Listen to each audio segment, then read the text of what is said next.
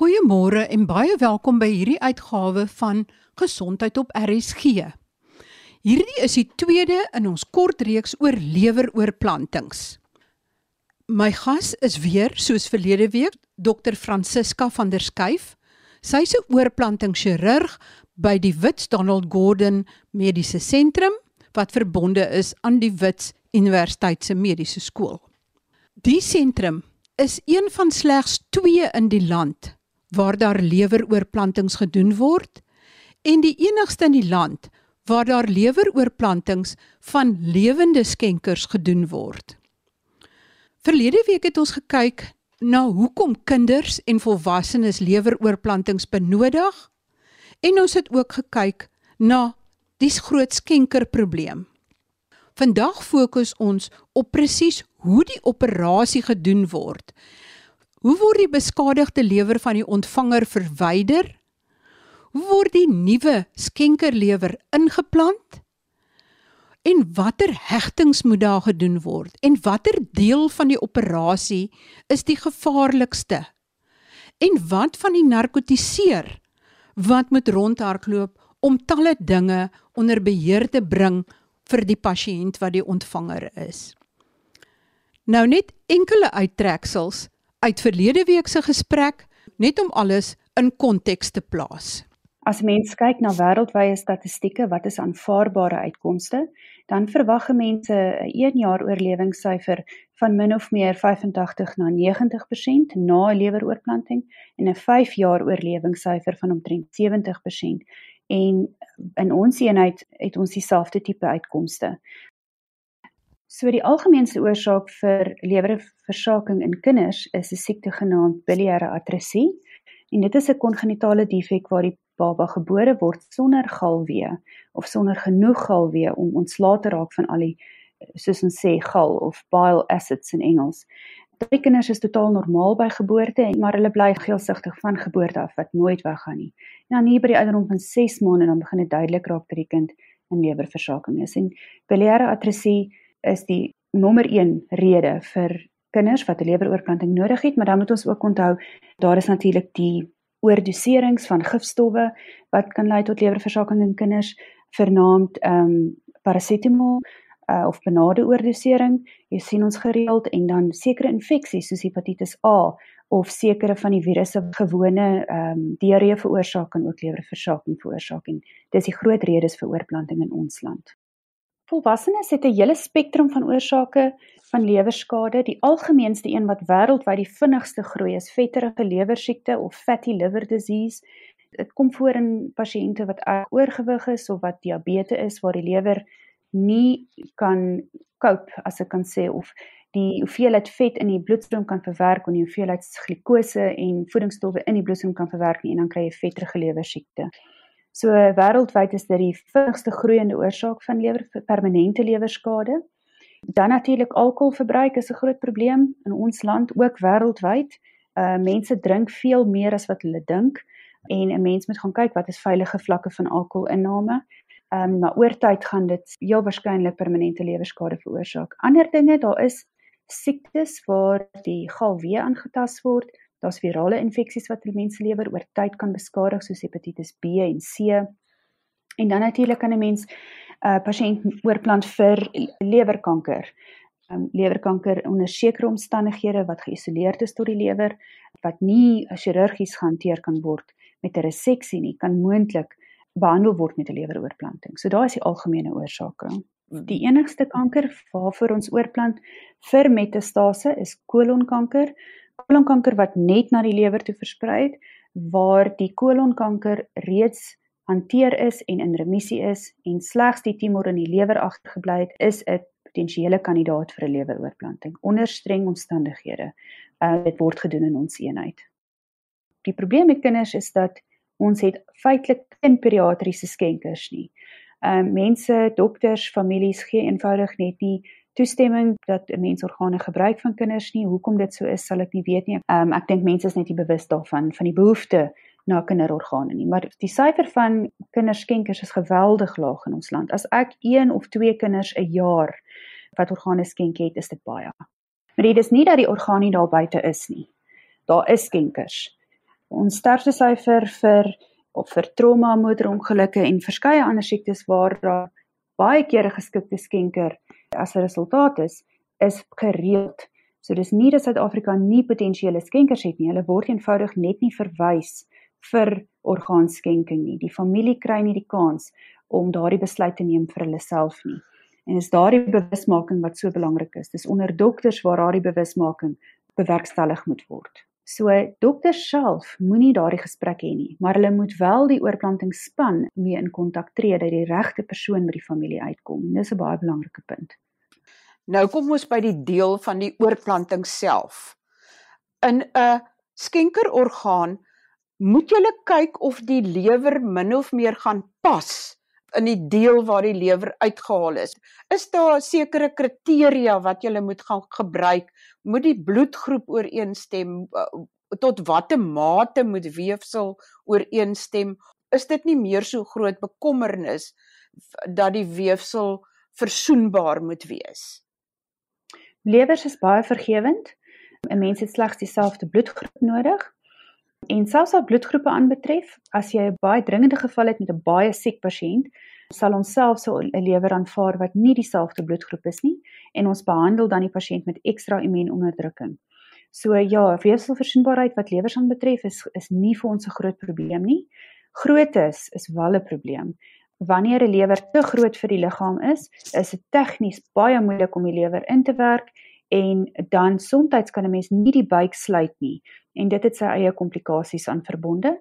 Byvoorbeeld daar mag ehm um, drukking op vate, bloedtoevoervate wees wat dan daardie uh, orgaan kan in gevaar stel. So ons kyk na groottes min of meer, kyk ons na die lengte van die skenker en die lengte van die ontvanger want mense lengte gee mense goeie idee van hoeveel spasie daar onder die ribbe sit aan die regterkant. Gewig nie soveel nie soos ons weet kort mense kan baie weeg en andersom. So om op suiwer op gewig te gaan sal nie werk nie. Ons kyk meestal na die lengte van die pasiënt. As jy nou die operasie doen, wat is die tegniese moeilike dele, die moeilike stappe in die operasie? Wat moet afgesny word en wat moet weer verbind word?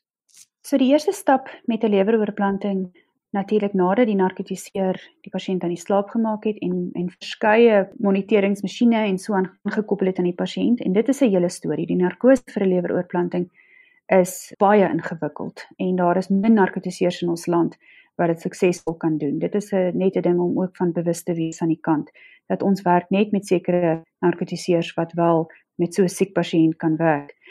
Nadat die pasiënt aan die slaap is begin 'n mens deur die ou lewer heeltemal te verwyder en dit is baie keer die gevaarlikste en partykeer die moeilikste deel van die operasie. Die ou lewer is baie verhard. Daar's baie abnormale vate wat hardloop rondom die lewer as gevolg van wat ons noem portale hipertensie, deel is van lewerversaking. So massiewe bloeding is altyd 'n risiko wanneer 'n mens die ou lewer verwyder. So die eerste deel van die operasie om die ou lewer heeltemal te verwyder vat omtrent 2 na 3 ure dan begin 'n mens om die nuwe lewer in te werk en dan moet 'n mens seker maak dat al die bloedtoevloeie in en uit die lewer dieselfde bewerkstellig word as wat in 'n gewone mens voorkom. Met ander woorde, bloed moet invloei in die lewer in deur 'n arterie, die hepatiese arterie. Hy moet weer geheg word. Die bloed moet invloei in die lewer in deur die portale vena. Hy moet weer geheg word en dan moet bloed kan uitvloei terug in die inferiore vena cava terug na die hart toe. En daar's twee hegtings daar wat plaasvind, een onder die lewer en een bo die lewer. En dan heel laaste moet ons die galwee weer rekonstrukteer. Elke een van daai anastomoses is krities om dit perfek tegnies perfek te doen, want sou jy 'n tegniese probleem veroorsaak of 'n komplikasie hê, gaan daardie lewer nie werk nie. Uh jy kan stolling kry aan daai vate, jy kan kry dat bloeding na die tyd plaasvind.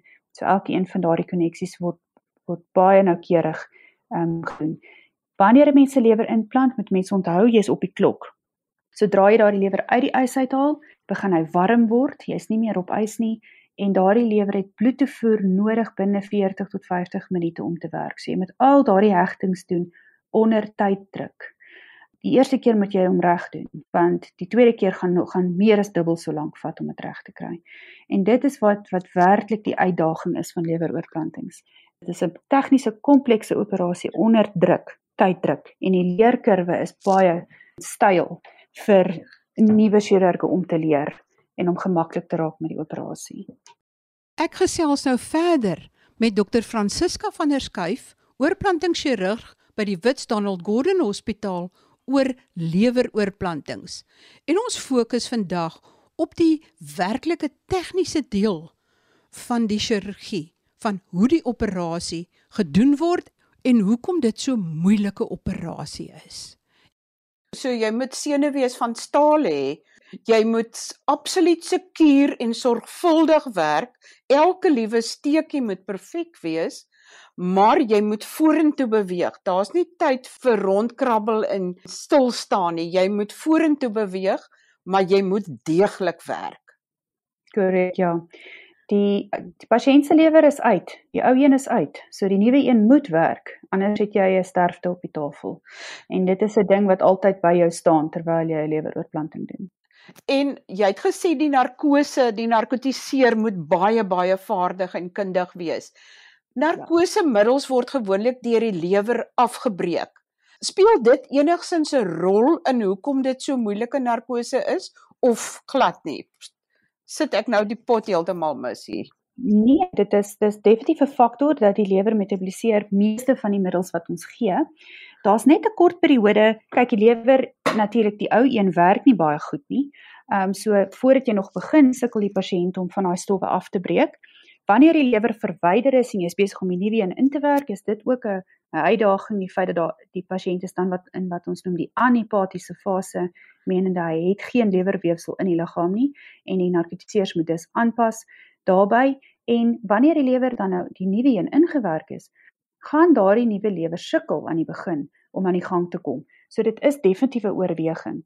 Ek sou sê wat ek praat nou vir 'n narkotiseer wat nooit 'n goeie ding is nie, maar van wat ek sien of wat en wat ek hoor by my kollegas is die groot uitdaging vir 'n narkose vir 'n leweroorplanting is die hemodinamiese veranderinge wat plaasvind.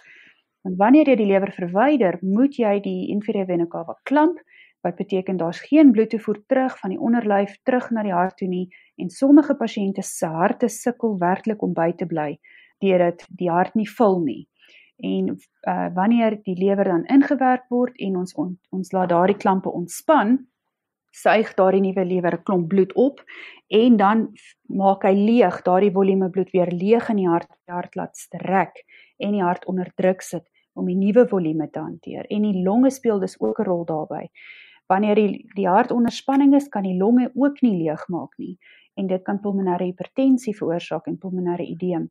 En dit is eintlik die groot uitdaging van leweroorplanting. En natuurlik die feit dat die pasiënt nie stol nie. Hy stol nie van die begin af nie wanneer die lewer werk nie, maar hulle bloei ook geweldig baie tydens die operasie en die narkotiseers moet werklik bond staan om by te bly met die hoeveelheid bloed en stollingsprodukte wat die pasiënt nodig het. So dis maar net 'n paar van die goedjies wat hulle mee te doen het, maar tydens 'n oorplanting het werk die narkotiseer is hy so besig soos wat ons aan die ander kant van die van die gordyn is, dis verseker. Het daai bloedstolling iets te doen met die Vitamiin K van die lewer of glad nie? Ja, dit het. Uh so Vitamiin A, D, E en K word net geabsorbeer met die hulp van Vitamiin K, maar die lewer is verantwoordelik vir feitelik alle stollingsfaktore, al 12 van hulle in die koagulasiekaskade en ander faktore ook wat 'n rol speel by stolling, onder andere plaatjie-funksie en so aan.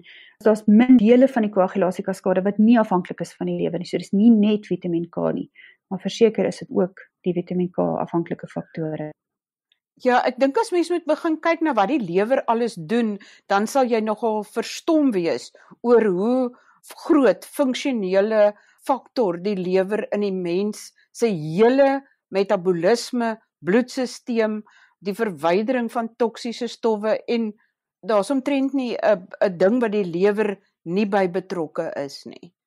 Absoluut en 'n mens sien dit wanneer 'n pasiënt skielik uh, 'n massiewe uh, hoeveelheid skade aan die lewer opdoen. Byvoorbeeld 'n virus of 'n oordosering en jy sien wat gebeur met die pasiënt wanneer die lewer gesterf het. Daardie pasiënt is dood binne as sou die lewer nie re regenereer nie. Binne 48 tot 72 uur is daardie pasiënt in 'n koma, besig om te bloei van oral af. Sy niere gaan staan. Jou hemodinamiese onstabiliteit is 'n groot probleem. So die hele liggaam stort ineen wanneer die lewer skade gedoen het. So dit is absoluut waar.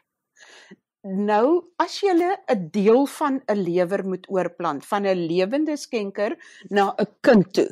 En dis sekerlik baie keer die ma of 'n familielid wat dan deel van haar of sy lewer skenk. Watter deel van die lewer vat julle? Moet dit 'n lop wees met sekere bloedvoorsiening of hoe besluit julle watter deel van die skenkerlewer julle vat en is daar 'n moeilikheidsgraad van hoe jy dit dan inplant in die kind wat dit dan kry? So die oorwegings met 'n lewende skenker is dieselfde vir 'n kind of 'n volwassene. Ehm um, die oorwegings is eersins dat jy vir die pasiënt die ontvanger genoeg lewer moet uithaal. Elke pasiënt het 'n minimum hoeveelheid lewer nodig om te oorleef. So jy moet eers gaan kyk na die volume van die skenkerslewer en watter lobbe gee vir jou watter tipe volume dat jy die regte lobbe kan verwyder om die regte hoeveelheid lewer vir die skenker te gee. Bygesê moet jy genoeg lewer agterlaat vir die skenker natuurlik. So dit help nie jy het 'n klein skenker met 'n massiewe ontvanger nie. Die ontvanger het te veel lewer nodig en jy gaan die skenker met te min lewer agterlaat. So dis die eerste oorweging. Dan moet 'n mens 'n lob of 'n segment verwyder ehm um, juis vir die uh, anatomiese bloedvate en die dreinasiesisteme. Elke segment en lob van die lewer het sy eie toevoer en dreinasie. So sou jy besluit het dan op die volume wat jy nodig het, dan sal jy besluit goed. Ek het segment 1 tot 4 nodig vir 'n klein volwassene wat soveel weeg of byvoorbeeld segment 5 tot 8 vir 'n groot volwassene. Maar dit is die basiese oorwegings. En is dit net so moeilik tegnies net so moeilik om dit te doen as om 'n skenkerlewer van 'n afgestorwe persoon oor te plant? Nee, dit is veel meer gekompliseerd om 'n lewende skenker 'n stukkie oor te plant as gevolg van die feit dat jy sit met baie kort vate. Alles wat jy by die skenker gekry het, is kort. Daar's nie lang arteries en venas wat jy uit is soos wat jy by 'n gesterwe skenker kry nie. Alles is baie kort en baie dun en dit is tegnies veel meer gekompliseerd. Tegnies om die operasie te doen en die komplikasiesyfers is ook hoër as gevolg daarvan. Daardie anatomoses sit op baie snaakse plekke. Die roetes waar die arteries en die vate loop is nie noodwendig anatomies nie en soms kan die lewer ook roteer op homself en dan kan bloed invloei en uitvloei uh geobstrukteerd raak. So dit is 'n veel meer tegniese komplekse pasiënt om om oor te plant. En wat gebeur met die lewende skenker? Daar's nou 'n stukkie van die lewer weg. Maak sy lewer nou weer nuwe selle en vergroot om daai spasie te vul of wat gebeur? Ja, so die skenker se lewer sal regenereer binne die volgende 4 tot 6 weke terug na sy normale volume toe. En daardie skenker het geen inperkings op sy lewenstyl nie. En daai nuwe lewerselle wat vorm, funksioneer 100% normaal soos die res van die lewer se selle. 100% dieselfde. Natuurlik is daar sekere vereistes om 'n lewende skenker te wees. Jy moet 'n gesonde lewer hê om mee te begin. Ehm um, jy kan nie self vetterige lewer siekte hê of alkohol gebruik, swaar alkohol gebruik of virale infeksies hê of enige iets van so 'n aard nie. So uit die aard van die saak is daardie skenker 'n gesonde persoon en hulle lewers regenereer geweldig vinnig en funksioneer 100% dieselfde as voorheen. Het julle op die oomblik pasiënte wat wag op leweroorplantings, kinders of volwassenes? Ons het ten, op alle tye 'n waglys. Ons het ten minste tussen die volwassenes en die kinders 100 mense wat wag vir 'n lewer. En dis meestal mense wat nie lewende skenkers het nie. Wanneer ons 'n pasiënt inkry in lewerversaking, begin ons onmiddellik om te vra rondom lewende skenkers en om daardie lewende skenker voor te berei, sou hulle geskik wees en toestemming gee. So wanneer 'n pasiënt 'n lewende skenker het, wag hy nie lank op die lys nie. Die wat op die lys is, is die wat ons sukkel om 'n lewende skenker in hande voor te kry en hulle moet ongelukkig wag vir 'n uh, kadaveriese skenker. Hoeveel kinders het julle jonger as 5 jaar wat op hierdie oomblik dringend op 'n skenker wag? Marie, ek sou sê ten minste 50 na 60 op enige tydstip wat dringend 'n leweroorplanting nodig het. En 'n mens moet onthou daar is geen dialyse vir 'n lewer nie. Daar's geen masjien wat jou kan help met die lewer se funksies nie. As jy 'n nierversaking gaan, kan jy gedialiseer word. As jou longe nie werk nie, kan ons jou oksigeneer op ventilator. As jou hart ingee, is daar sekere pompe wat jou kan uithelp vir 'n ruk. Daar is geen huidige ondersteuningsmasjien vir 'n lewer nie. So die mortaliteitssyfer in kinders wat lewerversaking het is geweldig hoog. Daar's geen kans op oorlewing verby 'n jaar of 2 nie. So in in sekere kinders is dit veel korter. So dit is werklik 'n krisis om organe vir daardie kinders in die hande te kry. So meer as 50 kinders, jonger as 5 wat dis nie hulle skuld dat hulle lewers in versaking is nie, maar hulle gaan elke dag agteruit omdat daar nie voldoende lewerskenkers is nie. Absoluut. En die ding wat wat 'n mens moet verstaan is dat mense nou sê 50 kinders klink, ek meen dit is 'n geweldige hoeveelheid. Maar kinders sterf op daardie lys en hulle word eenvoudig vervang met die volgende kind wat gediagnoseer word. En dit is hoekom die lys nie groei nie, want die kinders sterf op die waglys.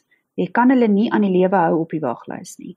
En die wat sterf word eenvoudig vervang met die volgende verwysing. En tensy jy 'n lewerbetyds kry, het daardie kind nie kans op oorlewing nie.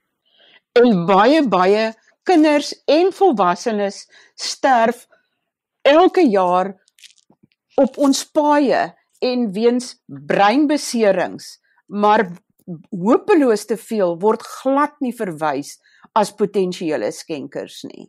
Terwyl hierdie kinders dag vir dag agteruit gaan hopende op 'n geskikte skenker.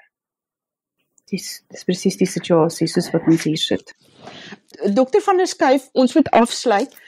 Is daar 'n spesifieke boodskap wat jy graag wil oordra aan enige iemand wat nou by die radio sit en luister? Ek dink die belangrikste boodskap om oor te dra is dat elke persoon moet terwyl hy of sy leef besluit wat met hulle liggaam gebeur sou hulle tot afsterwe kom en om daardie besluit baie duidelik te kommunikeer met jou familielede. Sou jy wou 'n orgaanskenker wees of nie? Kommunikeer dit met jou mense terwyl jy nog gesond is en jy daai gesprek kan hê. Want ons almal gaan tot ons einde kom. En sou jy 'n geskikte orgaanskenker wees, is dit veel makliker vir die familie om te weet wat jy sou wou gehad het wanneer die dokter om toestemming vra of die oorplantingsplan om toestemming vra. So praat met jou gesin, met jou familielede, met jou vriende, jou naasbestaandes rondom jou wense en vra ander, wat wil jy hê moet ek sê as ek gevra word? Vir die skenking van jou organe. Wat is jou redes? Wat is jou denkproses daar agter? Ehm um, dit is daardie bewusmaking wat werklik die verskil gaan maak vir ons land se mense wat wag vir organe. En dit geld vir die publiek en vir die dokters wat te doen het met mense wat in ongelukke of om ander redes breinbeserings opdoen en sterf. Absoluut Marie en vir dokters sou ek sê dat wanneer jy te maak het met 'n pasiënt wat breindood is, is besluit om organe te skenk nie die dokter se nie. Dit is die familie se besluit. En dit is hulle reg om daardie besluit te kan maak op 'n geleë tyd en onder die regte omstandighede. So moenie die besluit vir die pasiënt se familie maak nie. Kontak asseblief die oorplantingsspan dat hulle die gesprek met die pasiënt het. En bygesê, sou jy ooit omsien na 'n pasiënt wat breindood is? Daardie pasiënt is wettiglik dood en jy kyk nie meer na daardie pasiënt se welsyn nie, maar jy is nou verantwoordelik vir elke potensiële ontvanger van daardie skenker se organe. So kyk asseblief mooi na pasiënte wat breindood verklaar is. Hulle bly as 'n persoon wat nog baie goed kan doen en wat organe kan skenk. So medies versorg hulle en verwys hulle groot asseblief na die oorplantingsspan. Baie dankie aan my gas, Dr. Francisca van der Schuyf, oorplantingschirurg by die Donald Gordon Hospitaal in Johannesburg vir die inligting wat sy gedeel het. En ons wens hierdie span alle sterkte toe en vir al die kleuters en volwassenes wat wag op 'n geskikte skenkerlewer. Mag daar meer mense wees wat ja sê as hulle baba of kleuter of kind of volwassene sterf en breindood verklaar word om ja te sê vir orgaanskenking. Tot volgende week wanneer ek weer gesels oor gesondheidsake. Baie groete van my, Marie Hudson.